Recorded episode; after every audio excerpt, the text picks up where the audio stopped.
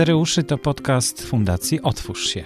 To podcast, w którym rozmawiamy o pasjach, zainteresowaniach oraz inspiracjach.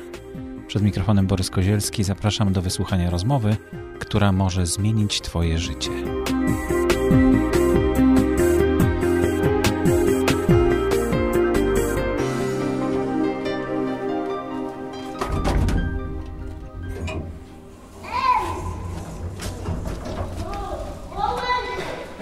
Każdym odcinku podcastu dźwięk jest najważniejszym przekaźnikiem treści.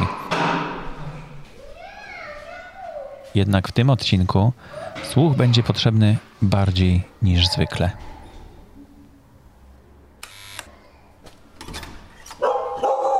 Dzień dobry.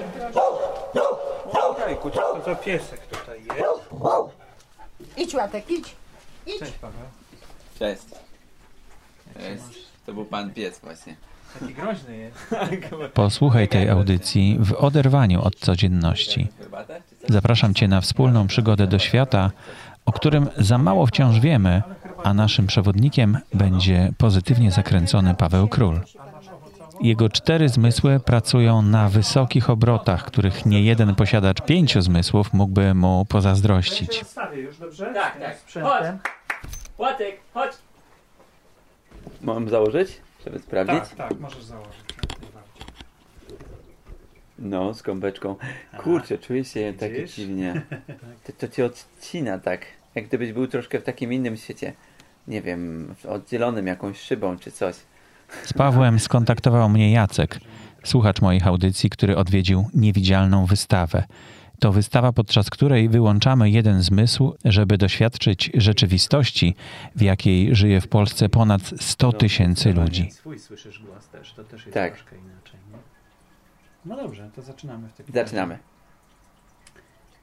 Paweł, przyszedłem do ciebie tutaj w Krakowie przy okazji e, odwiedzin e, Krakowa i zaciekawiło mnie to, czym ty się zajmujesz, bo tak jednym słowem tego się nie da określić, czym ty się zajmujesz, bo jesteś poliglotą, znasz trzy języki, płynnie w nich się wypowiadasz, brałeś udział w triatlonach i maratonach, biegasz, tak? To jest twój sport ulubiony chyba. Um, czy moim ulubionym sportem jest tak naprawdę brazylijskie jiu-jitsu.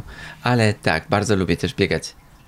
Brałeś y, udział w, y, w zawodach y, jiu-jitsu, tak? Karate. Jiu-jitsu, brazylijskie jiu-jitsu i w judo. W karate tak, ale tylko w kata. No bo w karate nie mogłem walczyć z widzącymi. A w judo i w brazylijskim jiu-jitsu tak. Byłeś w Andach. Tak, byliśmy w Andach w 2011 roku. To chyba rzadko. Kto był? Z twoich znajomych ktoś był jeszcze?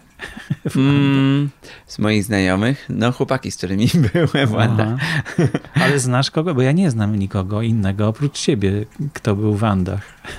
Karol i Szymek. Aha. Zdobyliście kilka pięciotysięczników.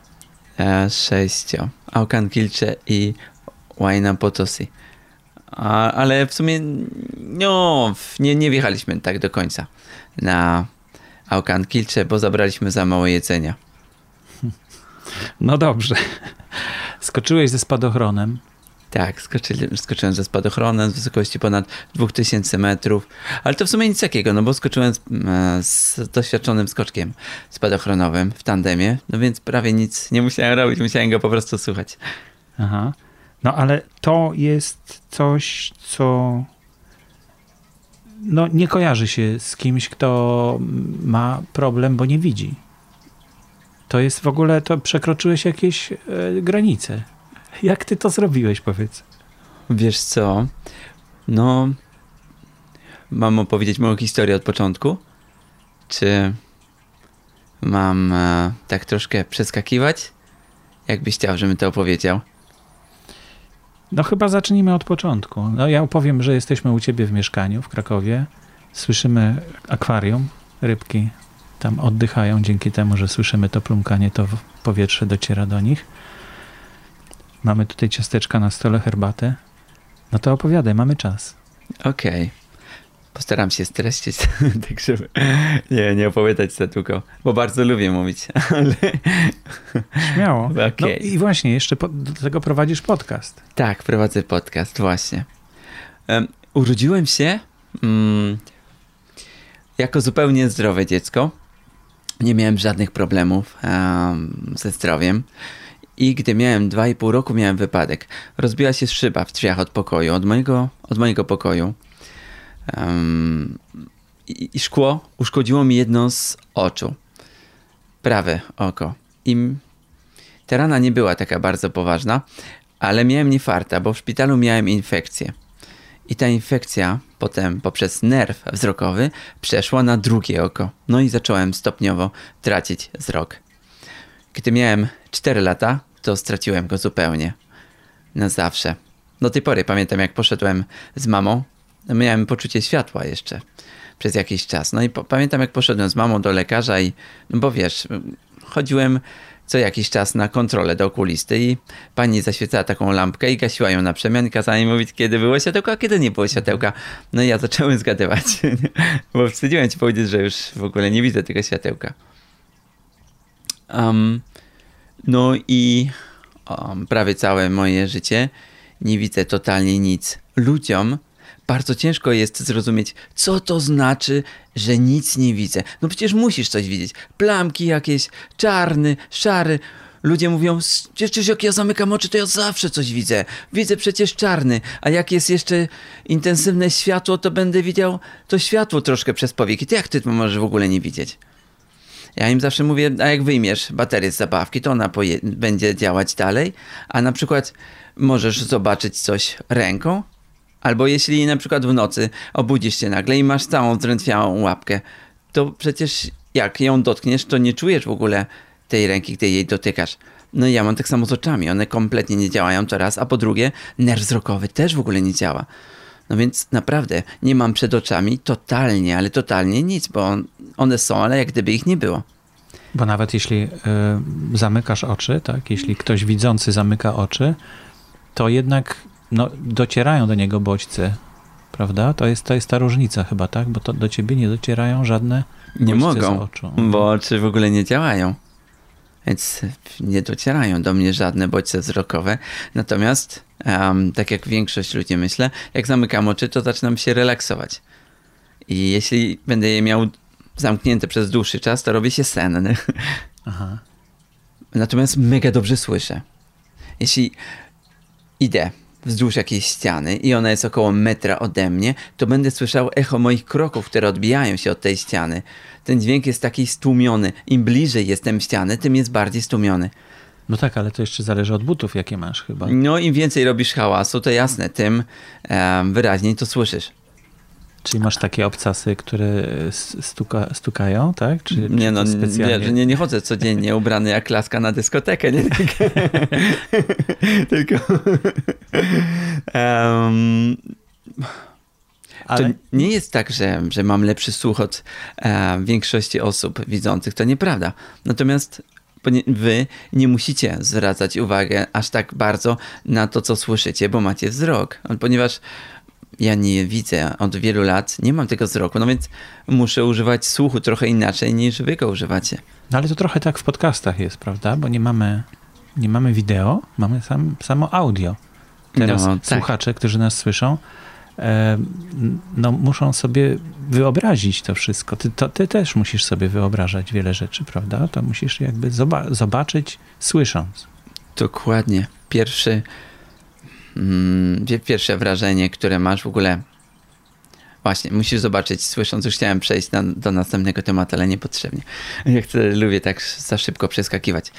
Um, tak, musisz zobaczyć, słysząc. I właśnie wiadomo, że jak nie widzisz, to większość osób niewidzących nie usłyszy um, rzeczy stosunkowo małych, które są dużo poniżej poziomu ich twarzy. Natomiast ściany są duże, samochody są duże. Mm, Więc ma się od czego odbijać ten, ten, ten, ten dźwięk, który zawsze gdzieś tam produkujesz, jak, jak idziesz, zawsze jakiś tam dźwięk emitujesz, mniej, głośniejszy lub cichszy, zawsze tak jest. No więc em, ten, ten, ten dźwięk będzie się odbijał i będzie do ciebie wracał. Im bliżej będziesz e, danej przeszkody, tym ten dźwięk będzie taki bardziej stłumiony. No ale wróćmy do, y, do, do początków. Tak. Y, Miałeś 3 lata i byłeś u lekarza, świeciła ci pani doktor w oczy, ty udawałeś, że widzisz, tak? I co Ale- dalej było? Pani zorientowała się, że, e, że nie widzę, no bo mm, nie wiedziałem, kiedy ta lampka była tak naprawdę zaświecona, a kiedy nie. Ale nie wywarło to na mnie wtedy dużego wrażenia, bo wiesz, jak to jest z dziećmi, tak? Dzieci bardzo szybko akceptują e, zmiany. Adaptują się. Adaptują się, tak, mega szybko, bez porównania szybciej niż dorośli. No więc dla mnie to też było takie normalne. W miarę, no normalne, po prostu przyjąłem to. Zaakceptowałem bez żadnych problemów.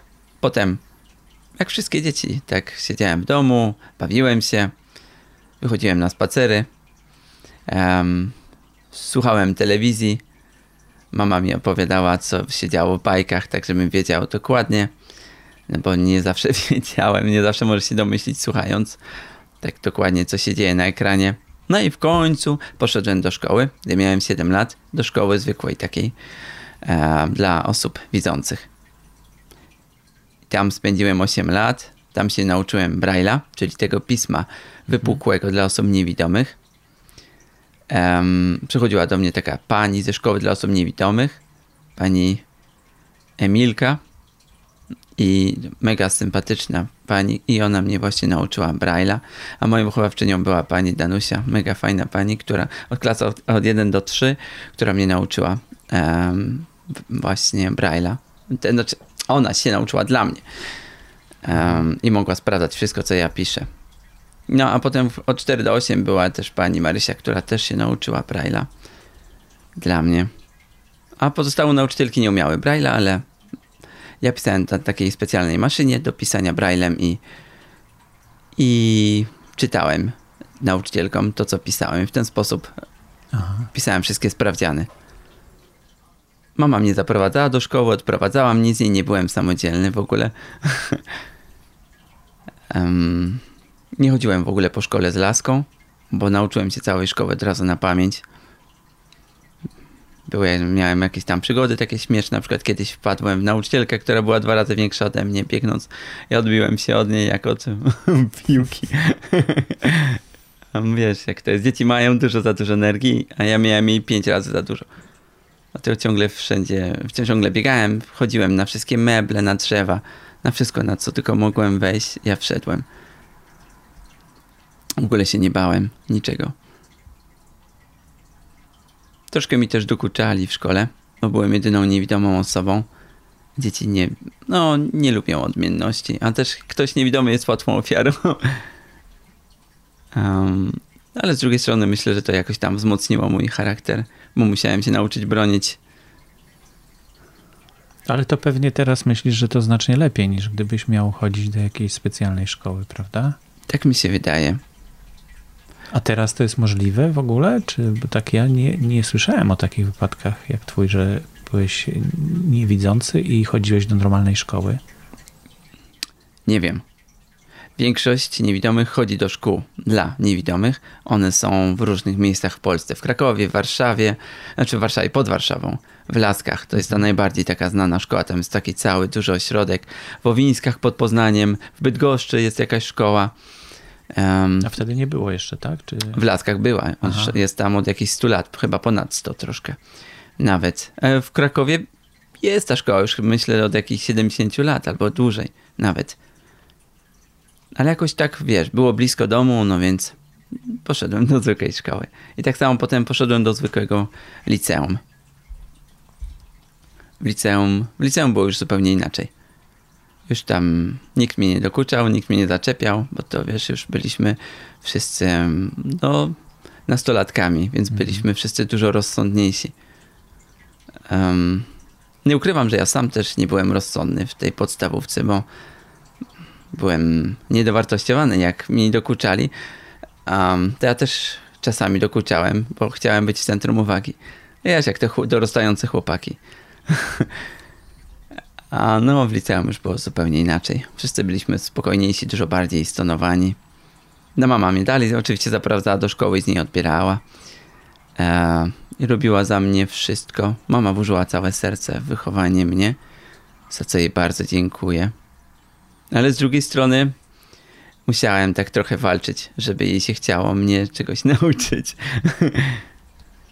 Zawsze była na każde moje wyzwanie. Wiesz, rodzice bardzo kochają dzieci i zrobią dla nich wszystko. To jest właśnie takie piękne.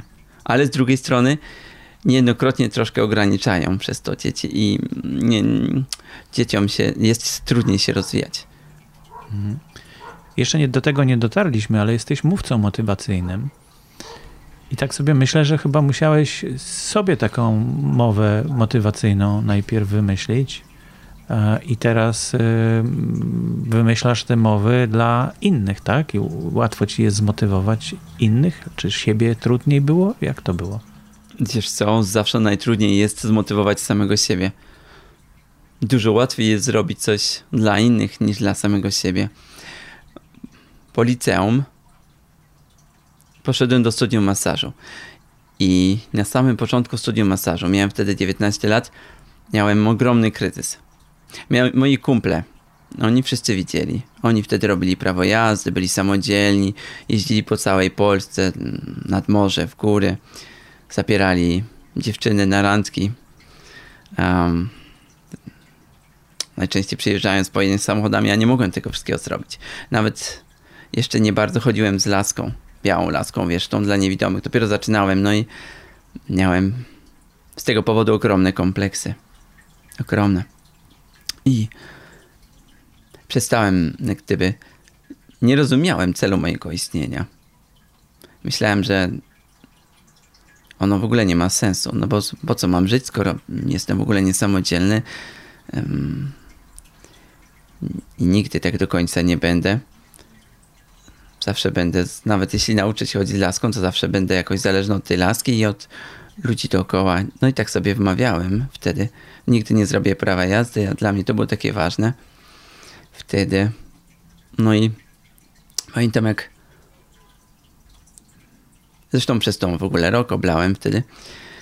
I pamiętam, jak siedziałem w łazience i zalewałem się łzami. A To to, w liceum jeszcze, tak? nie, to zaraz po. Mhm. Na tym studium masażu, tak? Tak.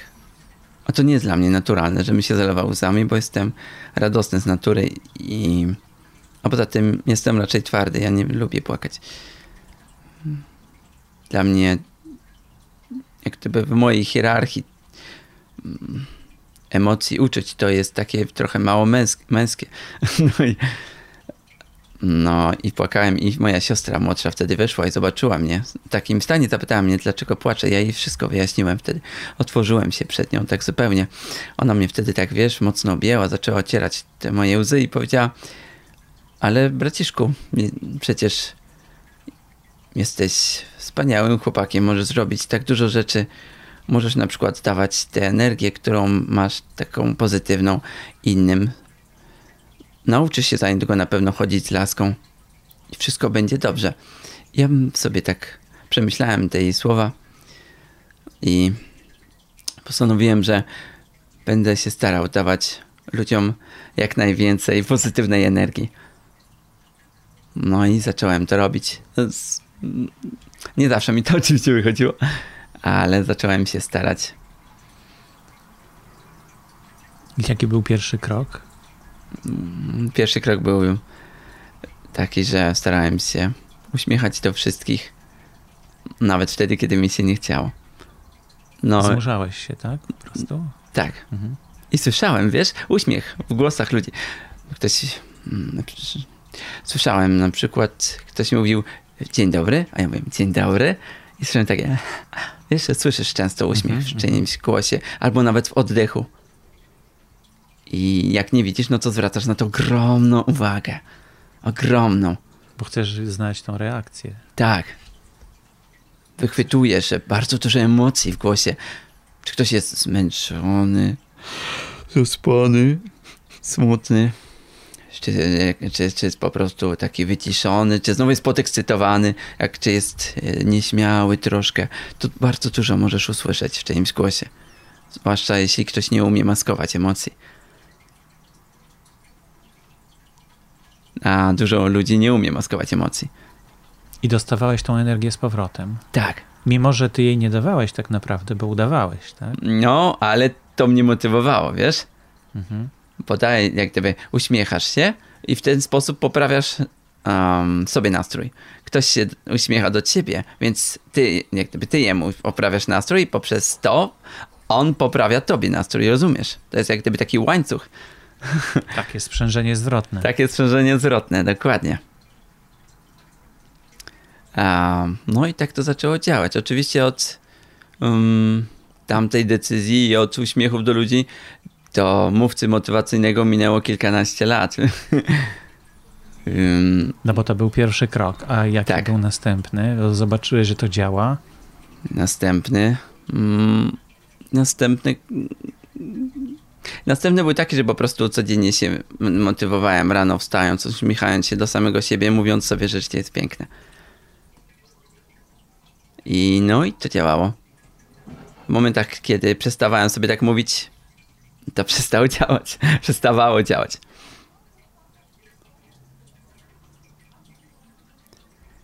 Um, ale myślę, że zanim przejdziemy do mówcy motywacyjnego, to może poopowiadam bardzo dużo o sporcie. Chyba, że chciałbyś zamknąć e, klamrą e, całą tę, tę, tę, ten, ten, ten, ten, cały ten temat No właśnie. Ja mam z tobą taki problem, że ty też robisz podcasty i teraz będziesz myślał o tym, co ja tutaj chcę zrobić.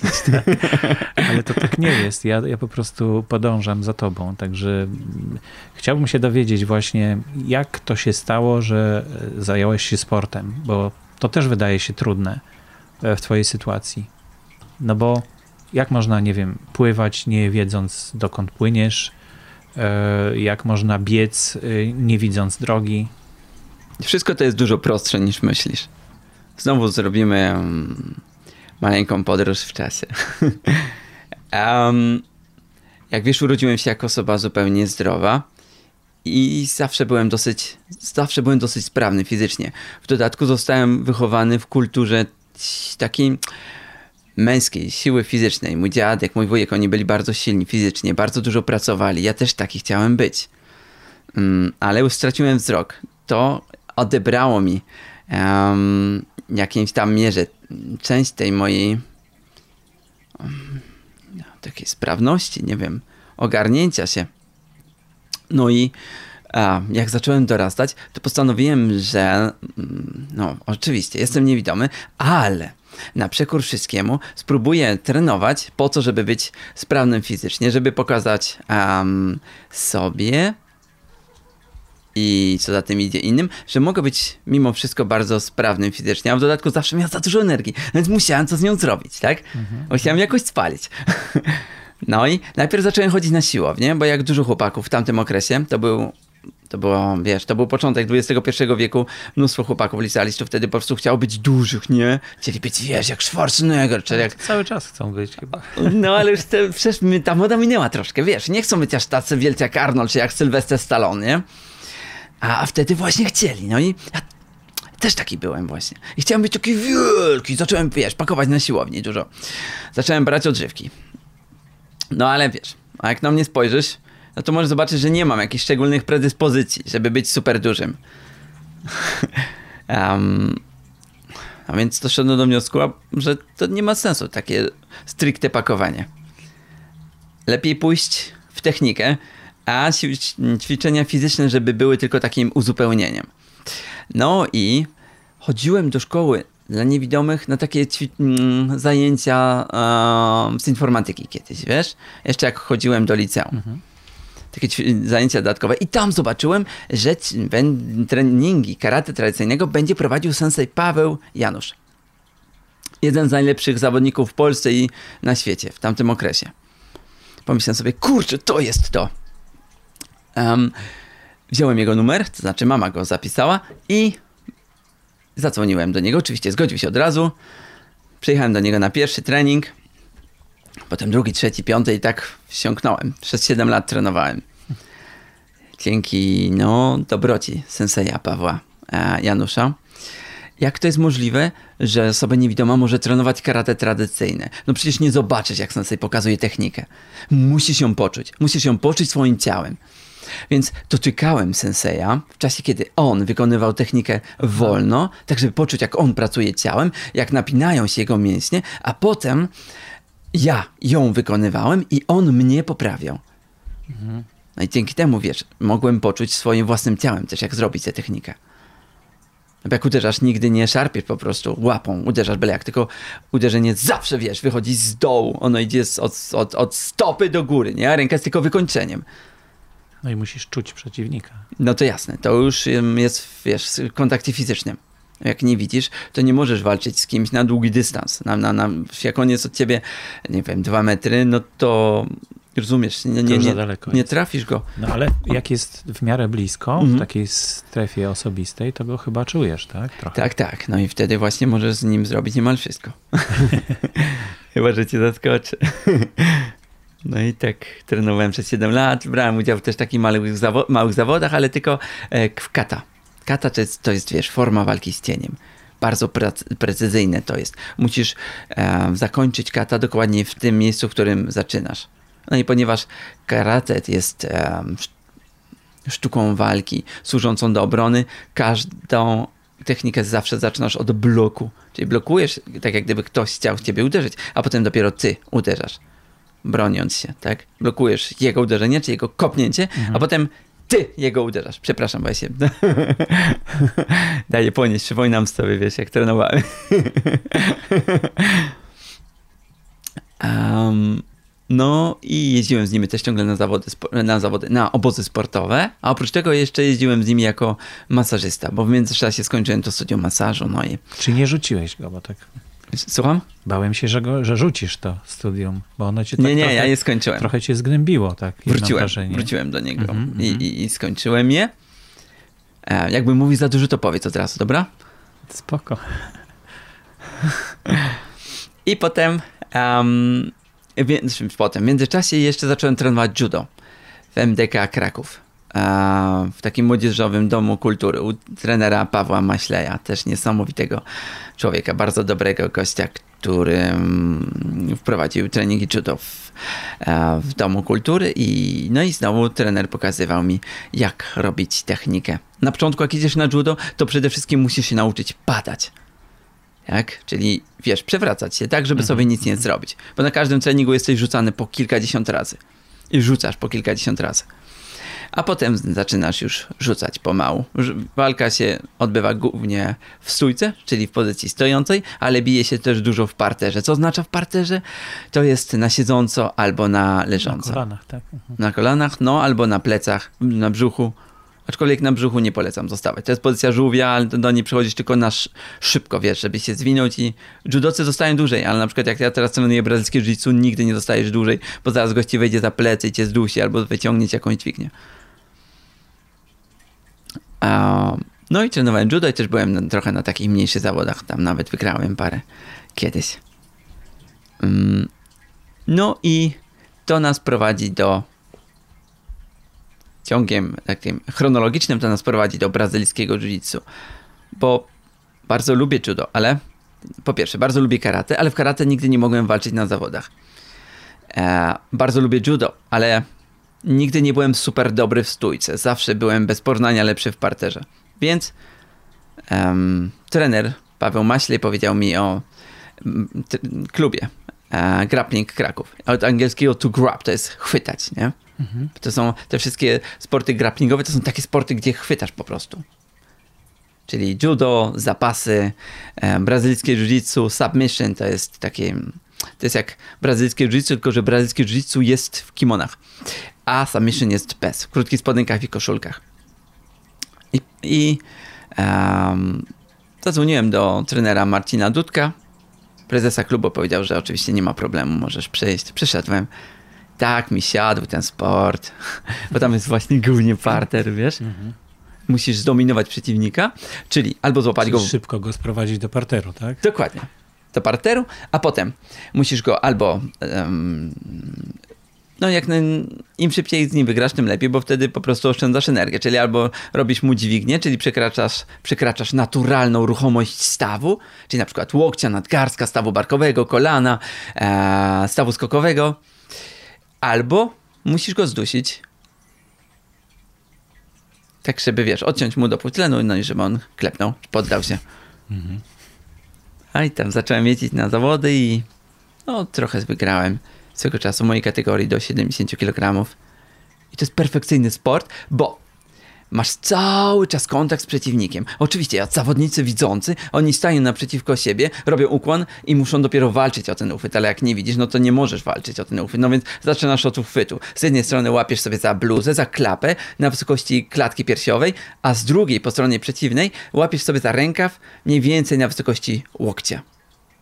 I jeśli kontakt fizyczny w czasie walki zostanie przerwany, sędzia automatycznie przerywa walkę i walka rozpoczyna się od momentu, w którym ten kontakt został przerwany. Aha, no to właśnie, to, to jest idealny sport dla ciebie z tego wniosek. Tak, Bo właśnie ten kontakt ci jest potrzebny, żeby walczyć. dokładnie. No jeździłem na zawody, trochę ich wygrałem.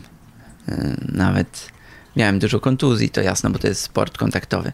Naciągnęli mi em, mięśnie przedramienia parę razy. Miałem skręcony staw skokowy dwa razy. No ale tak to jest w sportach walki. Piłka nożna nie jest sportem walki, a jest jeszcze więcej kontuzji. No właśnie, to normalne kontuzje takie zdobyłeś, tak? No, ale pomału zaczynają się odzywać. tu zakuje, tam zakuje. tak? Po takim czasie, bo to chyba, to, kiedy to ćwiczyłeś? I dalej ćwiczę. Jest trzy razy w tygodniu jestem na macie. Mam teraz pas purpurowy. To znaczy, że wkrótce będę miał pewnie brązowe, no a potem gdzieś tam w perspektywie czarny. No dobrze, ale to jest, to jest jeden sport, a gdzie tutaj jest triatlon jeszcze i Właśnie, maraton. właśnie. Dziękuję, że o to pytasz. Bo to, to jest, jest cała twoja, znaczy stała twoja działalność. To nie jest tak, że a tam poćwiczyłeś sobie karate i koniec, tak? Tylko no teraz to, to jiu-jitsu brazylijskie. Tak, to od To- 14 lat trenuję, tylko że z długimi przerwami na kontuzje, na różne wyjazdy. Gdyby nie te mm, wszystkie wyjazdy i kontuzje, które miałem, to na pewno miałbym już dawno czarny pas. No, ale tak, tak to już jest. Że... No i się też nie ma co spieszyć chyba. No, ale wiesz, za 5 miesięcy skończę 38 lat, no to już też mam swoje lata, bo mam. Zwłaszcza w sporcie. Em, właśnie, teraz jeszcze bieganie. A w 2008 roku, pew- dzięki pewnemu znajomemu, poznałem niesamowitego człowieka. Biegacza, amatora, o niesamowitych predyspozycjach a, do sportów wytrzymałościowych. Nazywa się ten gość Jacek Pawlikowski. Bardzo dobry człowiek i no, taki bardzo dowcipny i bardzo um, przebojowy. Ma, on ma wiele talentów. Oprócz sportowych jest też przedstawicielem handlowym i mało jest ludzi tak bardzo wygadanych jak on. Ale wróćmy do jego miłości do sportu. Otóż em, Jacek był biegaczem amatorem, biegającym bardzo dobrze, no i pewien mój znajomy dał mi numer do niego i zadzwoniłem i Jacek zapytał, czy nie wziąłbym z nim udziału w takim biegu tam na 8 kilometrów, business run. No i pobiegłem z nim tam wtedy.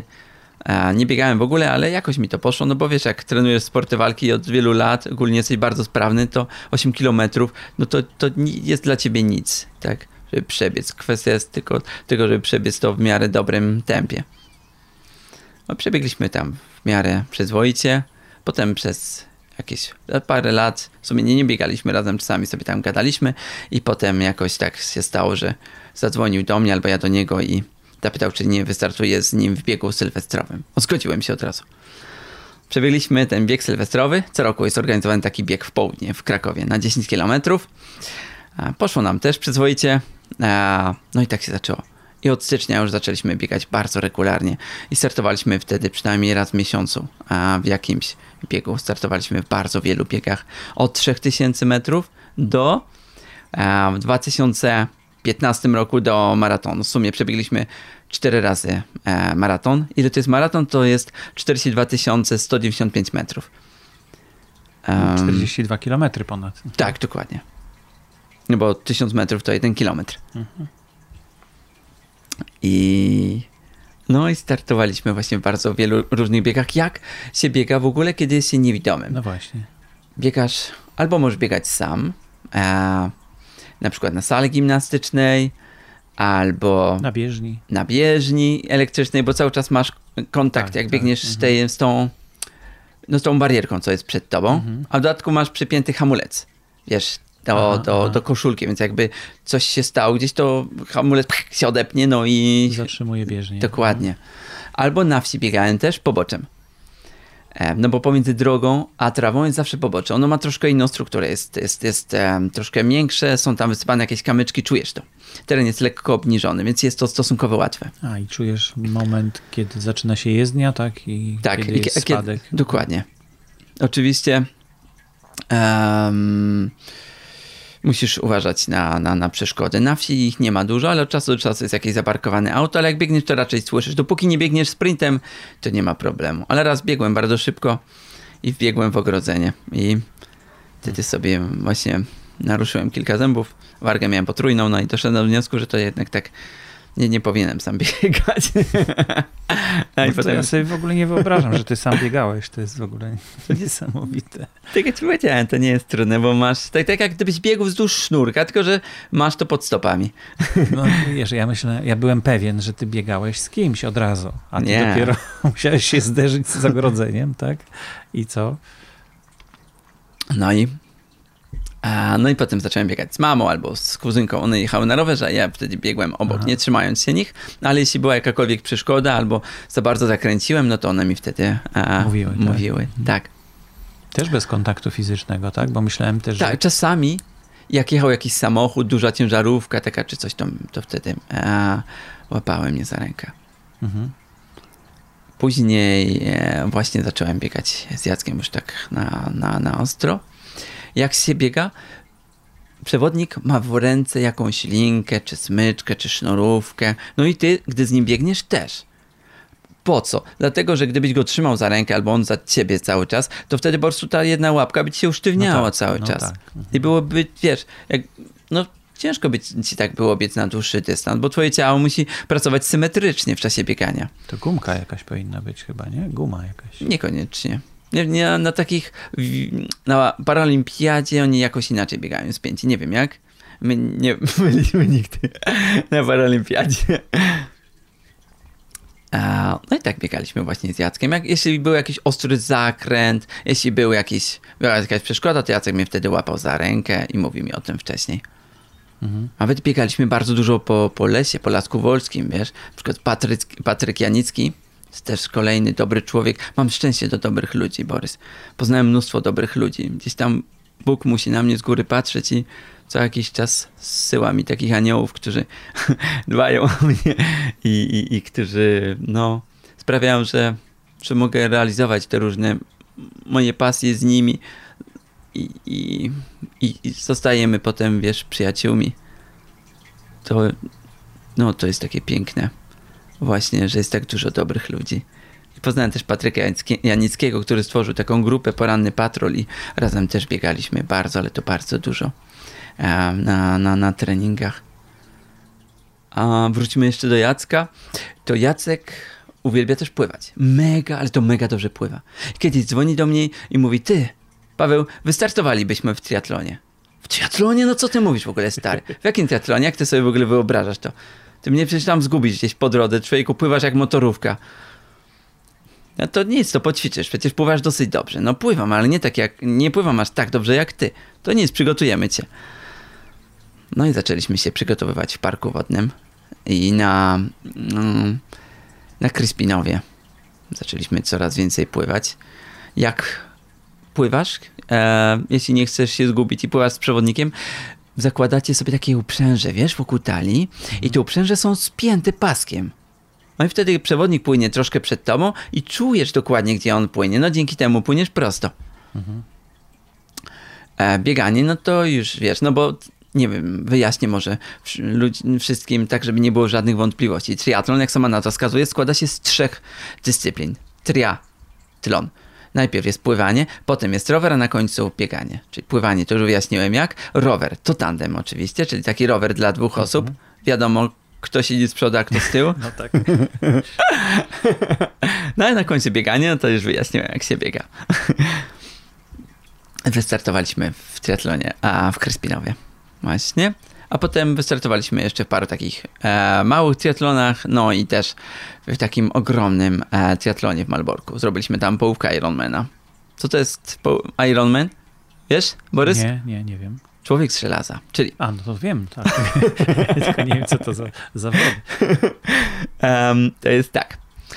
Ironman. 3800 metrów trzeba przepłynąć, potem trzeba przejechać 180 km na rowerze, na koniec trzeba przebiec maraton. No i my zrobiliśmy połówkę. Czyli 1900 metrów przepłynęliśmy, potem przejechaliśmy 90 km na rowerze, no i potem przebiegliśmy półmaraton. I gdzieś tam naszym niezrealizowanym marzeniem jest cały Iron, Ironman, ale nie zrobiliśmy jeszcze tego. Wiem, że jakiś niewidomy Polak to zrobił w Polsce. Już chyba parę razy nawet. Czytałem kiedyś artykuł o nim, ale niestety zapomniałem nazwiska tego niezwykłego człowieka. Ale też dołączysz, rozumiem. Em, no, zobaczymy. Na razie tak, mam troszkę inne priorytety. Mam pracę i mam i, i, i mam treningi brazylijskiego jiu-jitsu, no i mam jeszcze te języki, których ciągle się muszę uczyć, żeby się samo doskonalić i mam rodzinę, z którą chcę spędzać czas i to zabiera dużo czasu. Mhm. Nie można mieć niestety czasu na wszystko i trzeba podejmować wybory. A jak do tego doszło, że zacząłeś uczyć się języków? Jak do tego doszło? Jednego najpierw, czy od razu za, zamierzałeś trzy? No po pierwsze angielski, tak? No bo No tak. jak chodziłem, wiesz, no wszyscy właściwie się uczą angielskiego teraz, tak? Był w podstawówce, był w liceum, ale byłem leniwy bardzo. Ja w szkole nie miałem właśnie, wiesz. A żadnego? Miałem rosyjski. Ja miałem rosyjski. Nie było angielskiego w szkole. I trzeba było się samemu ewentualnie uczyć. To, to było tyle trudniej. Bo tak ten e, nasz blok wschodni był wymyślony, że wszystkie kraje satelickie wokół Związku Radzieckiego miały się uczyć rosyjskiego, żeby rozumieć, co mówią Rosjanie. Natomiast w Rosji uczono się języka angielskiego. No tak, to taka mała dygresja. Żeby rozumieć, co mówi zgniły zachód. Tak, dokładnie. tak mniej więcej. Em, właśnie, no i angielskiego się zacząłem uczyć. E, ale byłem leniwy bardzo i nie nauczyłem się aż tak dobrze. Potem e, zrobiłem studium masażu. Po studium masażu pracowałem przez jakiś czas jako masażysta e, u brata senseja, Paweł Janusza, Mariusza Janusza, który ma swój gabinet fizjoterapeutyczny, a potem chciałem coś zmienić w swoim życiu. Zawsze miałem jakieś takie aspiracje intelektualne, chciałem zrobić coś więcej. A poza tym dużo moich znajomych studiowało, jak też, też chciałem się przekonać, jak to jest studiować. I poszedłem na studia. Była taka reklama kiedyś w telewizji języka hiszpańskiego, kursu języka hiszpańskiego, który się nazywał Easy Español. I tak mi się spodobał ten język. I tak się nie mogłem go nasłuchać. Pomyślałem sobie wtedy, a w liceum wtedy jeszcze byłem, nie? Jak była ta reklama, pomyślałem sobie, jeśli kiedyś będę coś studiował, to będzie właśnie hiszpański. No i w szatni, przed treningiem karate, Wojtek, mm, jeden z moich kolegów, powiedział mi, kiedy się z nim podzieliłem tą ideą, że zamierzam studiować, powiedział mi, a to był początek września. Mówi, słuchaj stary, zasuwaj na Uniwersytet Pedagogiczny, tam jest jeszcze rekrutacja, spróbuj może ci się uda. Pojechałem, pogadałem, zdałem egzamin z angielskiego, bo miałem jeszcze starą maturę, więc nie, nie miałem tych takich, wiesz, punktów z nowej, więc musiałem zdać egzamin z języka, zdałem z angielskiego i zostałem przyjęty. I no i to był wielki przełom dla mnie, bo na pierwszym roku mieszkałem z rodzicami, ale na drugim, na drugim mieszkałem już w akademiku. To był pierwszy raz, kiedy mieszkałem samodzielnie. Więc musiałem sam gotować. No to ja już gotowałem bardzo dobrze, bo mama mnie nauczyła dużo wcześniej. Ale musiałem na przykład zacząć sam sprzątać, odkurzać. Takie rzeczy nie robiłem wcześniej sam. Brać. Powiem wygodniej, wiesz. Rodzice robili za mnie wszystko. Na, w akademiku musiałem sam sobie wszystko zrobić. Tam się nauczyłem wszystko sobie prać ręcznie. Odkurzać pasmami. Od, osoby niewidome odkurzają pasmami. Czyli odkurzasz sobie, przesuwasz sobie odkurzacz na przykład do przodu, do tyłu, znaczy tę rurę, wiesz, do przodu, do, do przodu trzy razy. Potem przesuwasz sobie w lewo, robisz następne pasmo, potem następne, następne i tak po kilka razy ja, przejdziesz. Ja tak samo robię. No, no właśnie. Dokładnie. To jest dobra metoda, że jak gdyby y, bardzo optymalna, żeby za dużo nie napracować. Dwa razy po tym samym nie jeździć. No i tak mieszkałem w akademiku, a um, tam poznałem przyjaciela, z którym się do tej pory przyjaźnię, Kamila, który e, był moim współlokatorem w akademiku. Bar- Bardzo się da razem przyjaźnimy.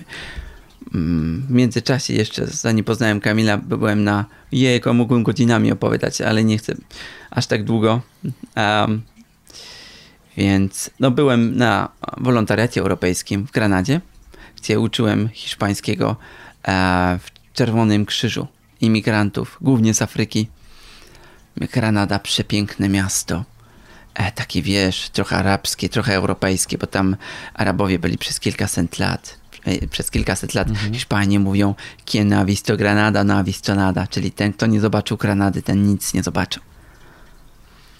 Jest, no jest piękna. No Mieliśmy- powiedz właśnie, jak, jak ty, bo mówisz piękne miasto, to E, te cztery zmysły pozostałe, tak? Rozumiem. Tak, głównie tymi- słuch, Mhm. dotyk i no trochę węch.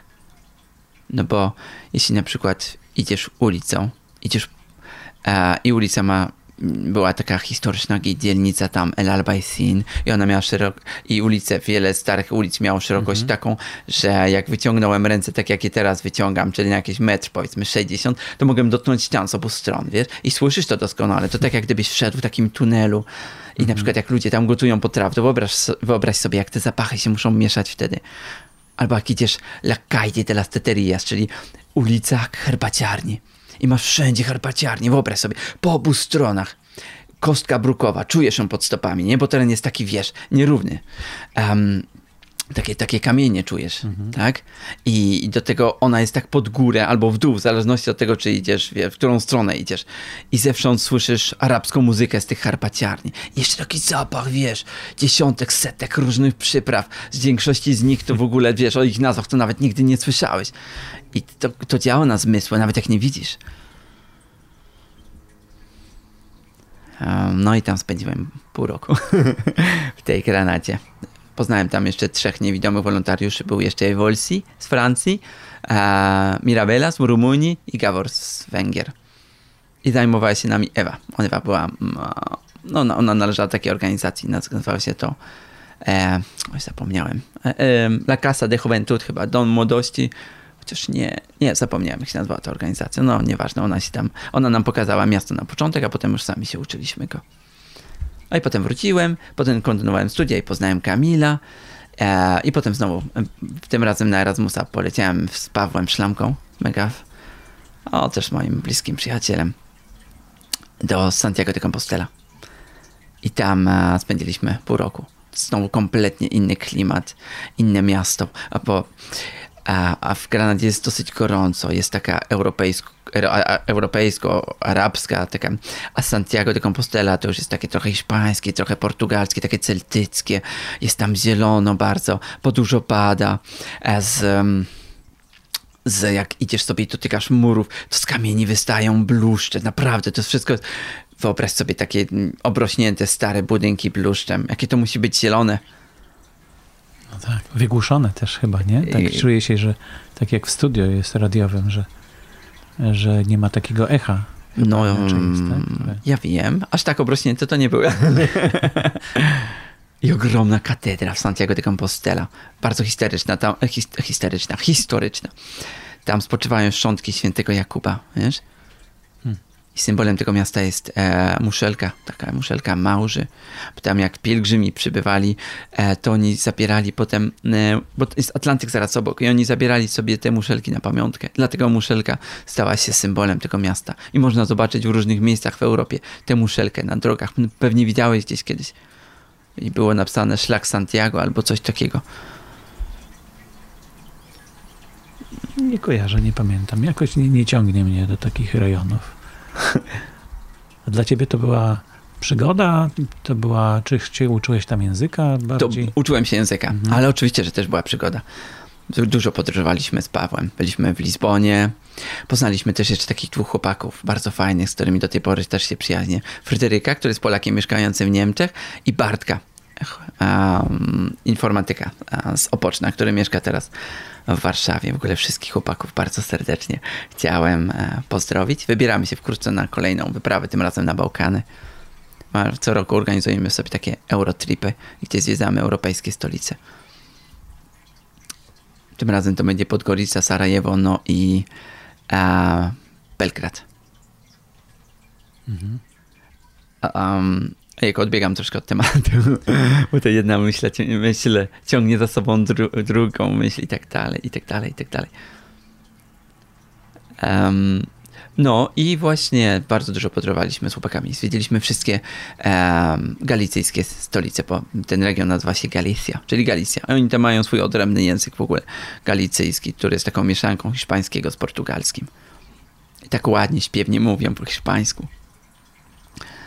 Em, No dobrze, a to może tak trochę w kierunku tego mówcy motywacyjnego, co? tak, Jak to się stało, co... Bo właśnie. to jest taki zawód, o którym, wiesz, dziecko nie marzy, tak? To, to nie jest takie, że chce być strażakiem, prawda? To albo policjantem, ale mówcą motywacyjnym? To powiem jeszcze w kilkunastu zdaniach. Dobra? Mhm. szybko, żeby dojść właśnie do tego. Po powrocie z Santiago e, skończyłem s- mm, filologię. Nie, to wcześniej jeszcze. Najpierw skończyłem filologię hiszpańską, potem byłem w Santiago, potem zacząłem studiować jeszcze francuski. Em, I skończyłem filologię francuską w czasie, A kiedy. skąd ci się wziął francuski? Bo Wiesz co, też zawsze mi się podobał. I kiedy studiowałem hiszpański, to musiała, wiesz, jak studiujesz jakiś język, to musisz sobie wybrać lektorat. No i mieliśmy, mo- mogliśmy wybrać pomiędzy e, włoskim, portugalskim i hiszpańskim. Czyli i pozostałymi językami em, romańskimi, które są też u nas na uczelni. Znaczy portugalskiego nie było jako kierunek, ale był właśnie jako lektorat. Ja wybrałem wtedy wybrałem portugalski, ale też jeszcze chodziłem e, na takie zajęcia dodatkowe z francuskiego. No i tak bardzo mi się spodobał ten francuski, że potem zapisałem się na studia właśnie. Zdałem e, szybko, e, zdałem szybko, jak gdyby dostałem się, no bo znam świetnie hiszpański, więc zdałem egzamin z hiszpańskiego. No i skończyłem hisz- francuski, ale w międzyczasie, kiedy studiowałem francuski, poleciałem do Francji, do Toulouse na, na południu. Region się nazywa Midi-Pyrénées, czyli średnie Pireneje, niedaleko od granicy z Hiszpanią i tam byłem na, na Erasmusie przez rok, a potem pozostałem jeszcze przez no, prawie trzy lata, bo poznałem tam dziewczynę, z którą się związałem, miała na imię Chloe i byliśmy razem. Byliśmy nawet zaręczeni, ale no, potem się to niestety rozpadło. I to, to był jeden z największych ciosów, jaki przyjąłem na klatę w moim życiu. I mm, jak wróciłem z Francji, nie wiedziałem w sumie, co mam ze sobą zrobić. Byłem, no, nie byłem depresji, ale, ale niemal na szczęście moja rodzina była tutaj ze mną, zawsze, zawsze mnie wspierali. Zresztą, za co jestem im niezmiernie wdzięczny. to taki drugi kryzys, tak? To Tak. Wtedy. I wtedy właśnie nie wiedziałem, co ze sobą zrobić, gdzie się podziać. I na początku zacząłem udzielać korepetycji z hiszpańskiego i francuskiego. Zamieściliśmy z kolegą, z kolejnym kolegą w ogóle, znowu widzisz, z Markiem, który też bardzo dużo mi pomógł. Zamieściliśmy ogłoszenie na ekorepetycję. Marek w ogóle tyle dobrego też dla mnie zrobił, za co też mu bardzo dziękuję. Zamieściliśmy ogłoszenie na ekorepetycję. No i zgłosiło się do mnie kilka osób i zacząłem udzielać korepetycji z hiszpańskiego i francuskiego. I spotkałem się właśnie z Wojtkiem. Z Wojtkiem studiowałem wcześniej hiszpański. Też bardzo dobry, bardzo pomocny i bardzo ideowy człowiek. Studiowałem z nim i z jego żoną e, Weroniką. Wojtek i Weronika mają swoją szkołę językową. I Wojtek już kiedyś mi to wspominał, ale jakoś nigdy tego nie zrobiliśmy. Jeszcze jeden z kolegów, Michał, też mówił, mi o tym, ale no nigdy jakoś nie zrobiliśmy tego, bo potem zacząłem bardzo dużo, wiesz, podróżować. Mieszkałem dużo poza Polską. I Wojtek mówi, ty stary, pamiętasz jak ja ci już mówiłem, że twoja historia jest bardzo ciekawa i ty mógłbyś ją zacząć opowiadać ludziom i na pewno byliby zainteresowani, na pewno byś ich zainspirował? Ja mówię, no stary, wiesz, ja jestem w niemal depresji, co ty w ogóle do mnie mówisz? Nie sądzę, żebym ja mógł w jakikolwiek sposób zainspirować ludzi, skoro ja nawet sam w siebie nie bardzo wierzę. Ale tak, wiesz, mówił mi, mówił, spotkaliśmy się na piwo wieczorem, pogadaliśmy sobie dłużej. No i zacząłem naprawdę w to wierzyć. No i spotkaliśmy się na.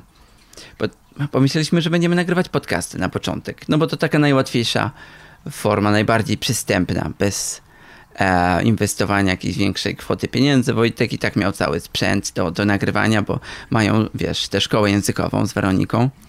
Przywiózł mikrofon, nagraliśmy pierwszy podcast, nie byliśmy zadowoleni drugi, nie byliśmy zadowoleni trzeci. Chyba przy trzecim albo czwartym byliśmy zadowoleni. W końcu doszliśmy do wniosku właśnie, że w sumie będę opowiadał historię swojego mm, życia. E, I że to chyba tak chronologicznie, że to będzie najciekawsze takie. I zacząłem to, to robić, realizować. Było mi super trudne na początku, chociaż na graniach tego nie słychać, ale taki ten mój smutek staram się pokryć przesadnym śmiechem, wiesz? To wręcz tak. No, ta sama metoda co poprzednio. No, tylko jeszcze bardziej nieświadoma. No to jest skuteczne, tak? To jest...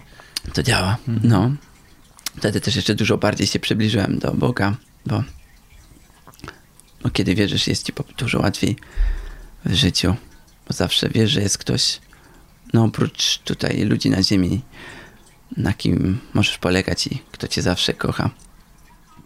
No i um, właśnie zaczęliśmy nagrywać te podcasty. Nagrałem jeden, drugi, trzeci, czwarty, piąty. Wojtek to wszystko sklejał, za co mu bardzo dziękuję, bo musiał w to włożyć przecież sporo pracy. Wojtek zawsze wrzucał te podcasty, dalej je wrzuca na naszą stronę. Musieliśmy w ogóle wymyślić nazwę. Były dwie nazwy, drugiej nie pamiętam, ale pierwszą jakoś tak Wojtkowi bardziej siadła. Cztery zmysły. No bo nie widzę, ale mam przecież słuch, dotyk, węch i smak. A więc jestem przedstawicielem czterech zmysłów, jakby nie było. No i Dokładnie. Wojtek wymyślił logo. Podobno jest ładne. Zrobił bardzo ładną stronę, bardzo czystą, przejrzystą. No, wszyscy mówią, że ładnie wygląda ta strona. No i to wszystko tak zaczęło ruszać pomału. Po kilku miesiącach znalazłem pracę. Pracę dzięki pewnej pani, która kiedyś uczyła mi chodzić z laską, pani Lucynce, która jest instruktorem motoryzacji w przestrzeni, powiedziała mi, no bo miałem tylko repetycje, ale nie miałem ich wystarczająco dużo, żeby naprawdę zarobić na utrzymanie, tak? A poza tym ja sam ze sobą nie radziłem sobie, nie mogłem, nie lubiłem być sam, bo miałem za dużo myśli w głowie, a praca odciąga cię od myśli, tak? Wykonujesz jakąś pracę i nie myślisz o tym, co się z tobą dzieje.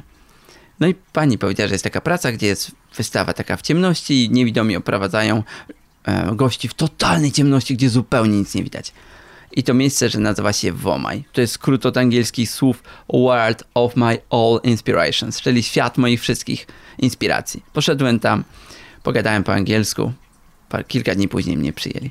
No i zacząłem tę pracę. Jestem tam już od ponad roku i łączę ją z, no, z tym byciem mówcą motywacyjnym, bo um,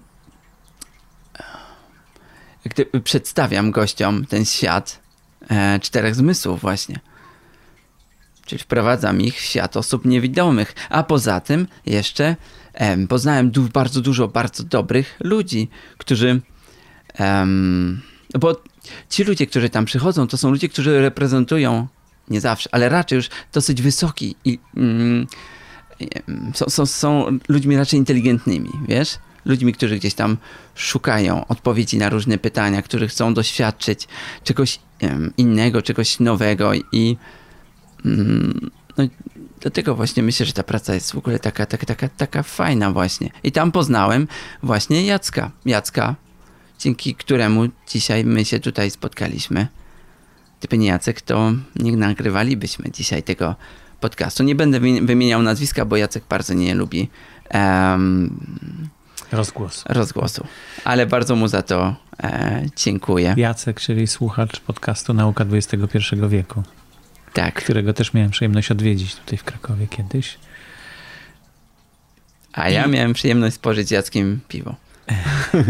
No I powiedz, ta, ta praca wydaje ci się najciekawsza z tego, co do tej pory Tak. robiłeś? Jak na razie tak. Wydaje mi się być to najciekawszą e, pracą, bo po pierwsze możesz wprowadzić ludzi w ten swój świat, świat os- Przepraszam, że mówię tak, zwracam się bezpośrednio do ciebie. Ale nie, nie, nie, nie lubię mówić tak cały czas w pierwszej osobie o sobie. Nie chcę być taki egocentryczny.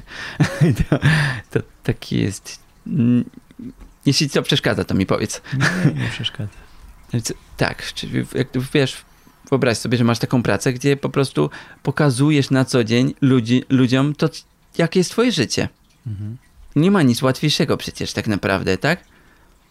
E, A poza tym jest to też taką niespodzianką dla mnie, bo nigdy nie wiem, kto na mnie czeka za drzwiami. Ja się chowam w ciemności, otwieram drzwi i dopiero wtedy wiem, kto tam na mnie czeka. Postawy ludzi są bardzo różne. Niektórzy się boją, inni znowu pokrywają e, strach przesadną pewnością siebie, inni znowu są stonowani. Bardzo dużo nauczyłem się wtedy o psychologii ludzi, wiesz? Wtedy, tam. Czyli trzeba, obserwować ludzi i dostosować się, tak? Musisz się też nauczyć mówić do nich przez 50 minut. Są tacy ludzie, którzy prawie nic nie mówią. I ty musisz być wygadany, musisz mówić tak, żeby to było ciekawe. Tam się zrobiłem jeszcze bardziej wyszczekany. bo- Ale dostajesz tą reakcję, prawda? Te uśmiechy, tak? Tak, oczywiście. To Wzruszenie też niejednokrotnie. Mnóstwo ludzi też słucha podcastów potem. Em, mam też wizytówki cztery zmysłów, ja im je rozdaję, potem oni, ja, ja widzę, że oni wchodzą na te strony, lubią, dają, lubią też stronę, lajkują. Em, I też poznałem dużo takich ludzi, którzy potem gdzieś tam zaprosili mnie do swoich szkół, gdzie mm, mogłem wygłosić też takie, wiesz, e, przemówienia inspira- takie inspirujące do, do, do, do dzieciaków, do młodzieży. To jest takie niezwykłe, że po prostu będąc możesz mieć jakiś pozytywny wpływ na innych ludzi.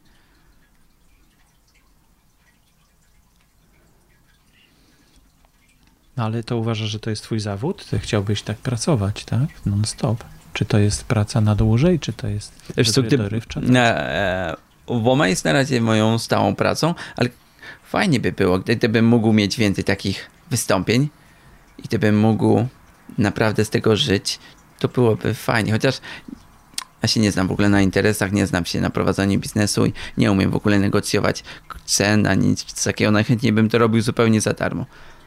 Ale no, zdaję sobie sprawę z tego, że nie mogę, bo przecież jakoś musimy zarabiać.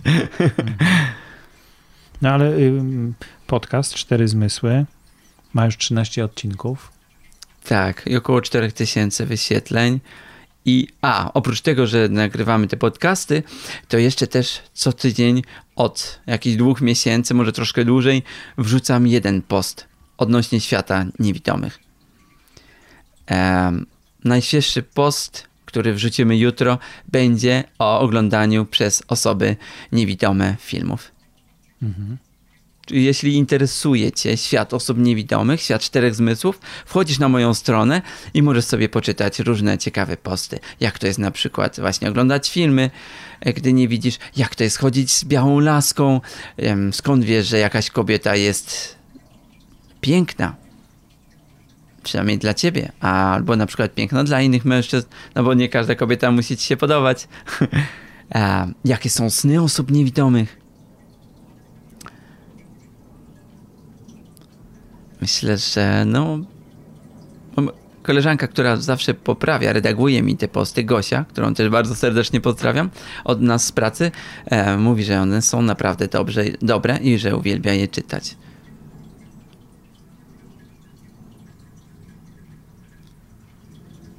Jakie masz marzenie? Marzenie. Wiesz co?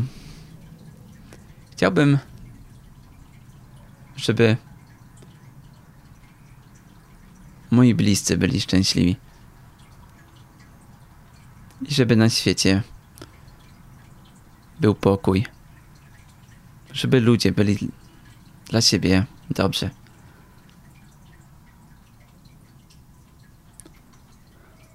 Tak dla siebie.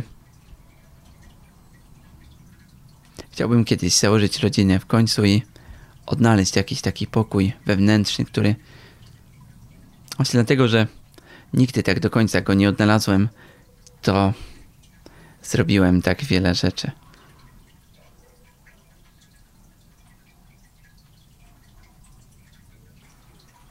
Strona internetowa czteryzmysły.pl Pisane wszystko literkami, tak. mhm.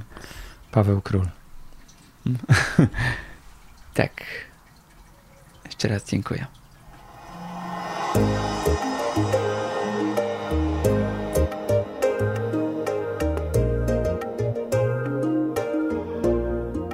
Do 2050 roku ponad trzykrotnie zwiększy się na świecie liczba osób, które stracą wzrok. Tak prognozuje raport opublikowany przez Lancet Global Health. To, jak będzie się razem nam żyło, zależy wyłącznie od nas samych.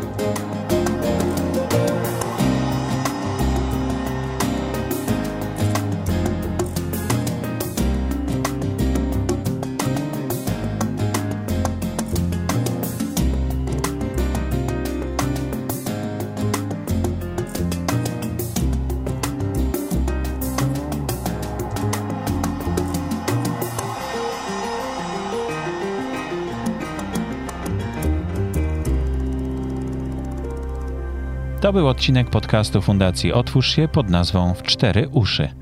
Jeśli znasz kogoś, kogo historia powinna być opowiedziana, to napisz do mnie na adres boryskozielski małpaotwórzsie.org.pl. Żaden list nie pozostaje bez odpowiedzi.